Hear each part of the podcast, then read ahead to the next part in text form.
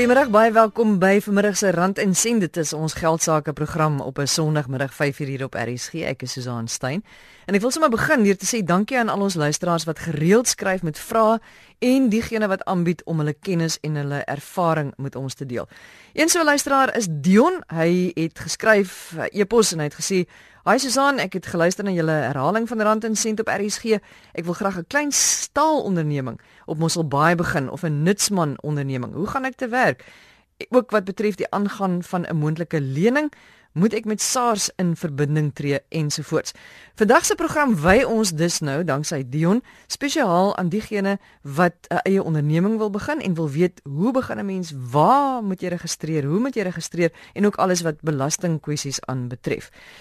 Frans van Eden is 'n rekenmeester van Pretoria. Hy gaan vir ons verduidelik waar jy moet begin en dan gaan ek ook later praat met 'n belastingkenner sodat jy alles kan weet rondom belastingkwessies vir jou onderneming. Maar kom ons begin met Frans en Frans, jy moet miskien net vir ons verduidelik waar begin 'n mens met die registrasie van so 'n onderneming? Okay, eers sal jy moet bepaal of jy dit wil doen in 'n maatskappy of 'n BK of jy dit wil doen in 'n persoonlike naam. Dan jy 'n eenmanssaak. Daar is voordele en nadele van elkeen. Ek persoonlik verkies maar 'n maatskappy want daar is 'n regsvorm daaraan en daar's beperkte aanspreeklikheid. So sou iemand nou te kom en hulle sê hulle is tevrede met jou diens nie en hulle wil jou hof toe skep oor iets, dan kan hulle nie aan jou persoonlike bates raak in jou naam nie. Dus ek maak my altyd verkies om 'n maatskappy te werk. En natuurlik in 'n maatskappy, jy het die struktuur dat as jy dit nou sou wou verkoop in die toekoms of jy sou dit wil vererf aan iemand anderste, dan kan hy net se vererf. Hy gaan nooit hoef te stop wanneer jy eendag doodgaan of aanbeweeg nie. So waar begin jy nou? Hier gaan jy nou vanoggend staan jy nou op en jy besluit vandag gaan ek nou begin met my maatskappy. Wat is dan nou die eerste stap? Jy het besluit, goed, ek gaan 'n maatskappy registreer. Waar doen jy dit? Hoe doen jy dit? Okay, jy kan dit opself doen of jy kan iemand aanstel om dit vir jou te doen.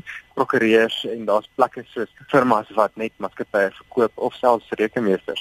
Jy kan hulle toe gaan en jy kan 'n maatskappy by laat stig. Dit is redelik duur as jy dit so doen of jy kan self op die CIPC se webwerf gaan. Dit gaan jou dan so ongeveer R100 kos om 'n maatskappy net te stig en dit kos jou ook so R25 vir 'n naamreservering. Ehm um, jy sal natuurlik dan eers net jou naam moet kies wat jy vir jou maatskappy wil hê, dan gaan jy dit moet gaan reserveer by die CIPC, dan gaan jy die maatskappy stig. Dit is 'n baie vinnige proses en reg deur dit kry jy sommer 'n belastingnommer ook dadelik hy gestig is. Ehm um, alles word ingedien online en hulle help jou deur die hele proses. Dit is regtig 'n maklike gebruiker of gebruikersvriendelike proses wat jy kan volg om 'n maatskappy te registreer. Die webwerf is www.eservices.cipc www.co.za. En dan moet jy sekerlik vir jou eh, besigheid 'n bankrekening ook gaan oopmaak. Dis reg, ja. So jy sal na jou bank van jou keuse toe gaan, jy gaan 'n bankrekening by hulle gaan oopmaak. Jy gaan jou CIPC dokumente moet saamvat. Jy gaan dit in 'n e-pos kry van die CIPC na jy geregistreer het. Dit vat jy saam na die bank toe met jou bewys van adres en so meer. Hulle maak dan die rekening vir jou oop en dan kan jy dan begin handel dryf. Tweede stap sal wees dadelik nadat jy dit gedoen het, kry jy sommer voordat jy nog enigiets begin doen het, kry jy 'n rekenkundige program wat jy wil gebruik. Ek persoonlik hou van Sage One. Ehm uh, hy integreer met jou bank, so hy trek al die transaksies outomaties in elke dag en dan allokeer jy dit net van daar af. Ehm um, die maklikste gaan ook wees om fakture uit te reik uit hierdie Sage One program uit en ook jou krediteure by te hou. Dis jy verskaffers by wie jy goed koop. Ehm um, jy kan dit doen van jou foon af, jy kan dit doen van 'n uh, tablet af, jy kan dit selfs doen van jou rekenaar af. So waar ook al jy gaan, gaan die rekenkundige program saam aangesien hy in die cloud is.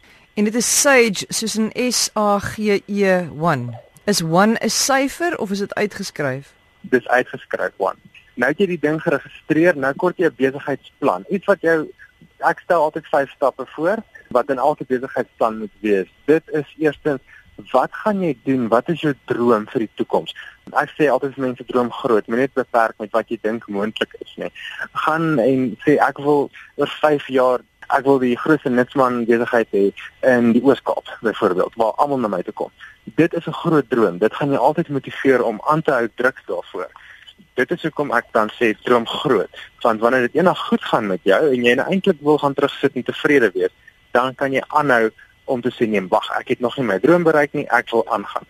Dan tweedens, wat maak jou uniek van aan jou besigheid?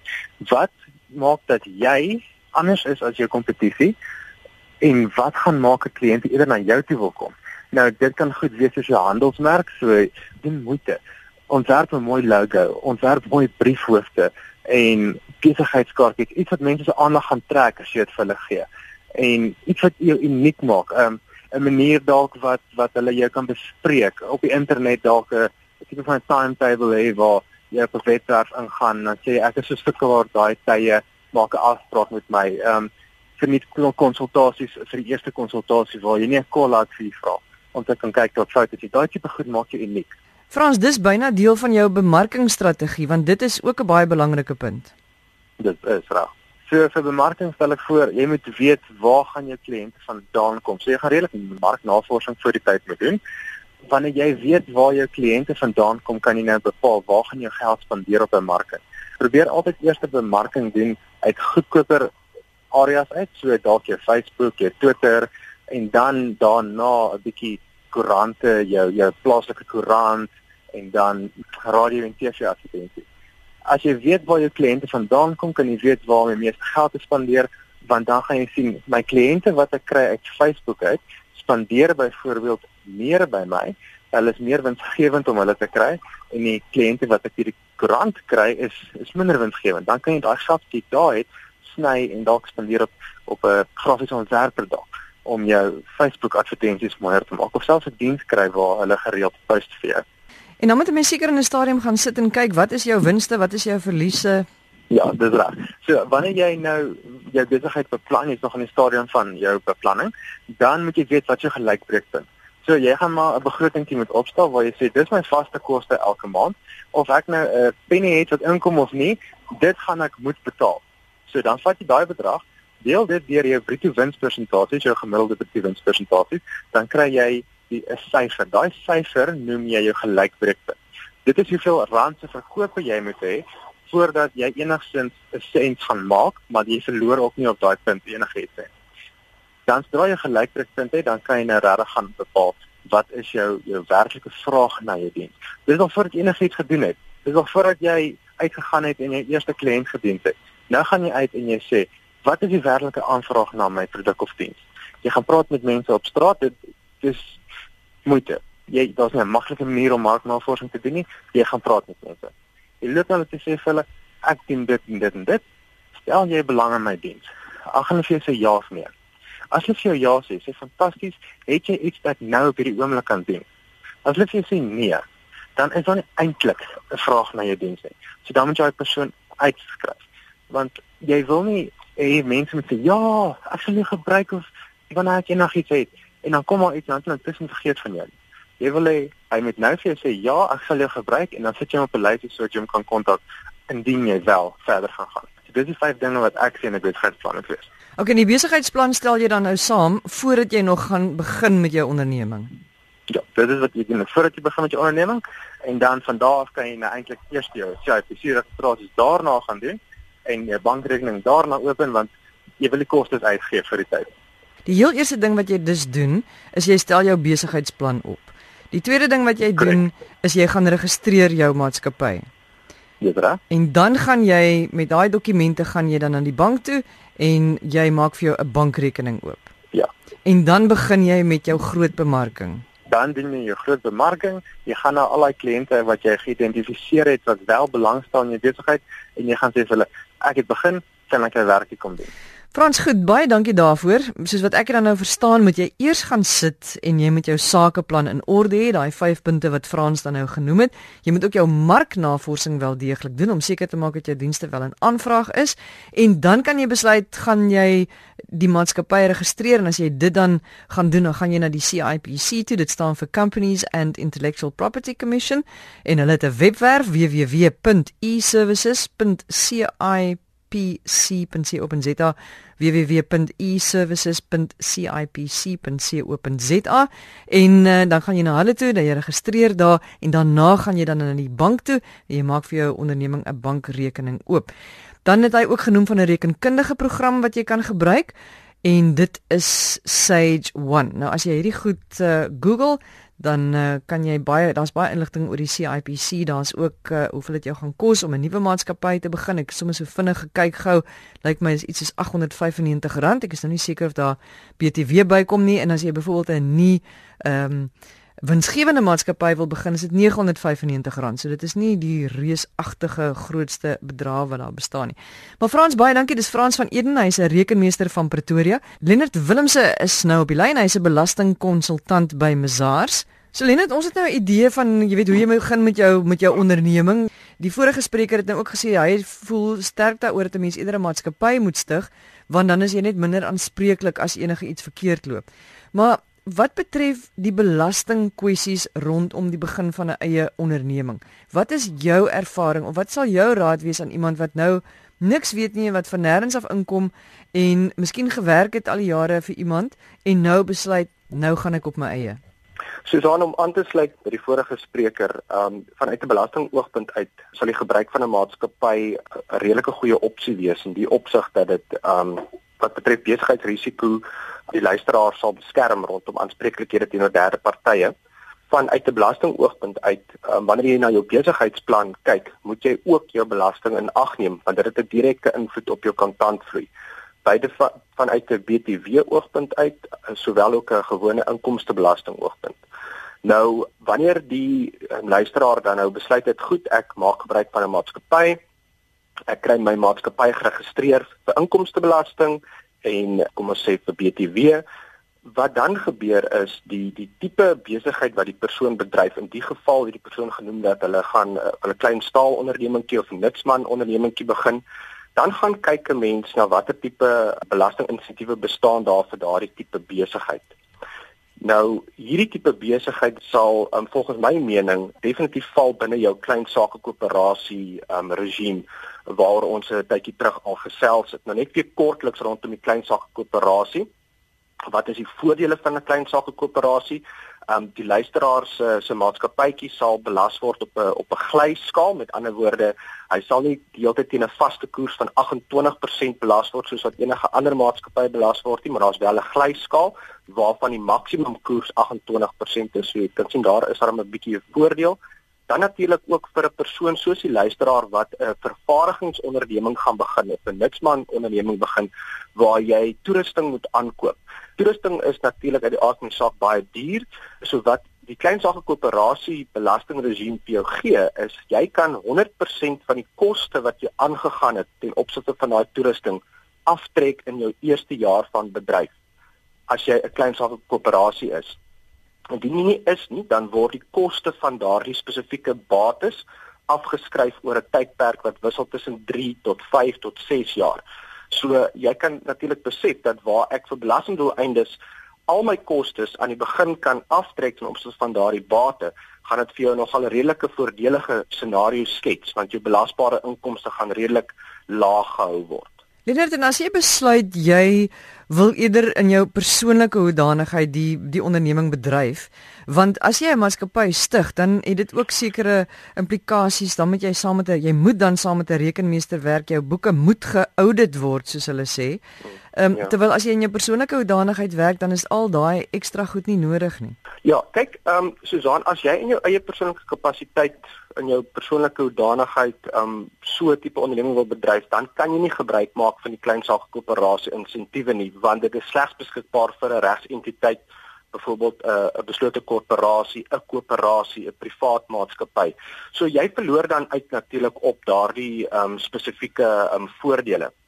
Wat betref die kom ons noem dit die um administratiewe pligte sekere ondernemings indien hulle onder 'n sekere vlak van inkomste val en daar sekere ander vereistes ook hoef nie noodwendig geaudit te word nie wat hulle noem is dan word daar net 'n nasieningsoefening gedoen deur die rekenmeester. So wat dit dan betref kan daar 'n moontlike besparing wees waar as jou onderneming binne 'n spesifieke klas val hoef jy nie noodwendig 'n audit te hê nie. Uit die aard van die saak wanneer 'n mens natuurlik kyk na toekomstige finansiering um, is dit miskien gewens om eerder geaudite te word, maar dan kan jy die geauditeerde finansiële state aan die banke voorlê of beleggers voorlê en hulle gaan dan beter gerusstelling hê rondom enige beleggings binne in die persoon se onderneming.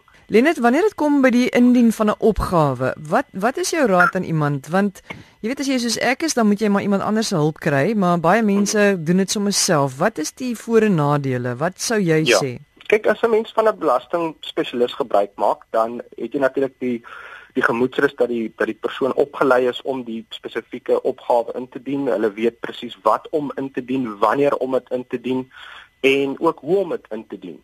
Indien daar dan enige navrae sou kom vanaf die ontvanger van inkomste of SARS natuurlik, dan uh, sal jou belasting spesialis jou kan help om daardie vrae te beantwoord en hulle gaan 'n beter idee hê hoe om met SARS te kommunikeer. So jy skakel daardie frustrasie wat 'n mens moontlik kan hê met SARS uit deur dit te delegeer aan iemand wat jou um, belastingsaake namens jou hanteer. Ehm um, indien jy dit in jou eie persoonlike kapasiteit doen, goed, jy gaan miskien kostes bespaar rondom die voltooiing van die van die belastingopgawe, maar daar is dalk 'n moontlikheid dat jy is nie noodwendig vertroud met die belastingwetgewing wat in plek is nie en jy mag dalk die opgawe verkeerd indien en dan veroorsaak dit dat jy um, nogal redelik baie gaan sukkel met SARS en in dispute gewikkel gaan wees wat dalk baie lank uitgereik is teenoor die situasie waar jy laat doen deur 'n spesialis wat ehm um, wat die nodige akkreditasie het en die proses net gladder laat verloop. Net gou vinnig rondom die luisteraars se spesifieke um, onderneming. Kom ons gestel die die onderneming word gehuisves binne in 'n maatskappy. Maatskappye word geregistreer as voorlopige belastingbetalers. So kom ons sê die maatskappy se se finansiële jaar loop van 1 Januarie tot einde Desember van die jaar Wat dan gebeur is as jy 'n voorlopige belastingpligtige is, dan moet jy 6 maandeliks 'n voorlopige belastingopgawe indien. Met ander woorde, in die geval sal dit wees dan nou na die einde van die eerste 6 maande dien jy jou eerste voorlopige belastingopgawe in, dan skat jy wat jou belasbare inkomste gaan wees vir die jaar. Jy werk uit wat is jou belasting jy deel dit deur 2 en jy betaal dit dan oor aan SARS. Met ander woorde, dit is 'n vooruitbetaling van jou belasting. So dit help eintlik tot 'n sekere mate rondom jou kontantvloei sodat jy nie alles op een slag hoef te betaal nie. Dan wanneer jaareinde aangebreek het aan die einde van Desember van hierdie persoon, dan doen jy jou tweede voorlopige belastingopgawe. Teen daai tyd behoort jy 'n baie beter idee te hê van wat is jou werklike belasbare inkomste. Jy werk uit die belasting wat daarop um, betaalbaar is Jy trek af jou eerste voorlopige betaling en die restant is dan die betaling wat jy maak aan SARS. Wat dan gebeur is dan het jy nou jou eerste en jou tweede voorlopige belastingbetalings gedoen en dan sodra jy jou finansiële state gefinaliseer het en jy is seker um, van jou feite rondom jou belasbare inkomste dan dien jy jou jou wat hulle noem die ITR 12 vir maatskappye in. Dit is jou belastingopgawe vir maatskappye. Dis jou finale belastingopgawe as ek dit so kan stel. En daarvolgens sal SARS dan 'n aanslag uitreik wat jou belastingaanspreeklikheid aandui vir daardie jaar.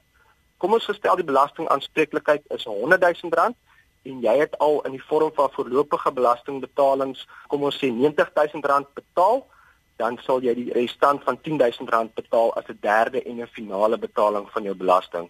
So jy kan sien dit's baie gestruktureerd wanneer jy gebruik maak van 'n van 'n van 'n maatskappy en in terme van jou klein sakekoöperasie wat Ehm um, interessant is dat jy hoef nie vooraf goedkeuring te kry vanaf SARS om as 'n klein sakekoöperasie um, te bedryf nie.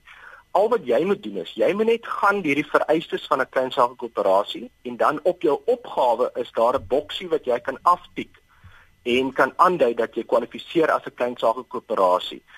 SARS sal dan jou daarvolgens aanslaan. Met ander woorde, die glyskale gebruik en seker maak dat die insentiewe wat beskikbaar is dat dit dan um, deurtrek na jou belastingberekening toe. So vanuit 'n administratiewe oogpunt uit is 'n klein sakekoöperasie eintlik 'n baie nuttige hulpmiddel vir iemand wat 'n tipe onderneming wil opstel soos wat ons luisteraar beoog. Ek kan dit dalk net noem vir die luisteraar dat in in sy spesifieke scenario waar hy van 'n vervaardigingsonderneming gebruik gaan maak, is die persepsie dat die persoon se insetkoste um, nogal redelik hoog gaan wees want jy gaan natuurlik vervaardigingsmateriaal hê, jy gaan verbruiksmateriaal hê, salarisse, lone ensovoorts. Dan weer eens is jou kleinsaak koöperasie 'n beter opsie as byvoorbeeld jou mikrobesigheid omsetbelastingregime want onthou ons het so 'n paar weke terug gesels oor die omsetbelastingregime en daar word jy jy gebelas op jou op jou omset. Met ander woorde ignoreer jou uitgawes. So met 'n vervaardigingsintensiewe onderneming is jou klein saakoperasie 'n beter opsie want jou belastingberekening neem in ag jou uitgawes. So met ander woorde as jou winsmarge relatief laag is, is jou klein saakoperasie beter opsie as jou omsetbelasting regime. Lenet baie dankie. Ek dink dit is nou 'n baie goeie uiteensetting van presies wat 'n mens moet weet en wat jy moet doen as jy jou eie onderneming begin. En uh, as jy iemand is wat hierdie goed baie maklik verstaan, dan uh, kan jy dit op jou eie doen en as jy iemand is wat net 'n bietjie twyfel, gaan sien 'n kenner, gaan na 'n prokureur toe, kry die regte kontrakte in plek, gaan na 'n finansiële kenner toe of 'n boekhouer of 'n belastingkonsultant en kyk presies wat hulle vir jou kan doen want baie keer, soos Lenet ook nou gesê het, hang dit af van die bedryf wat jy wil begin, uh wat daar sekere belastingvoordele is vir daai spesifieke bedryf. Dion, ek hoop ons het jou vrae beantwoord. Ek dink ons moet ook nog praat oor skuld wanneer jy 'n onderneming begin. Moet jy dit aangaan of moet jy nie? Lenings en dan moet ons ook nog kyk na die riglyne wat 'n mens kan volg wanneer jy nou jou onderneming begin het. Hoe sorg jy dat jy jou deure oophou vir die volgende jaar of 30? Net gou-gou Lenet Willemse is 'n belastingkonsultant by Mazars. Onthou stuur vir ons 'n e-pos. Die adres is susan@rsg.co.za s u z a a n by rsg.co.za. En as jy weer na enige van ons gesprekke wil gaan luister, as jy iets gemis het, gaan na www.rsg.co.za. Klik op potgooi, dis beskikbaar daar. Dan tik jy net in die soekveld rand en sent in, gaan jy alles daar kry waarna jy graag wil weer of wat jy graag weer wil hoor. Goed, ek hoop dit is 'n wonderlike week vir jou. Van my Susan Stein, dankie vir die saamluister. Totsiens.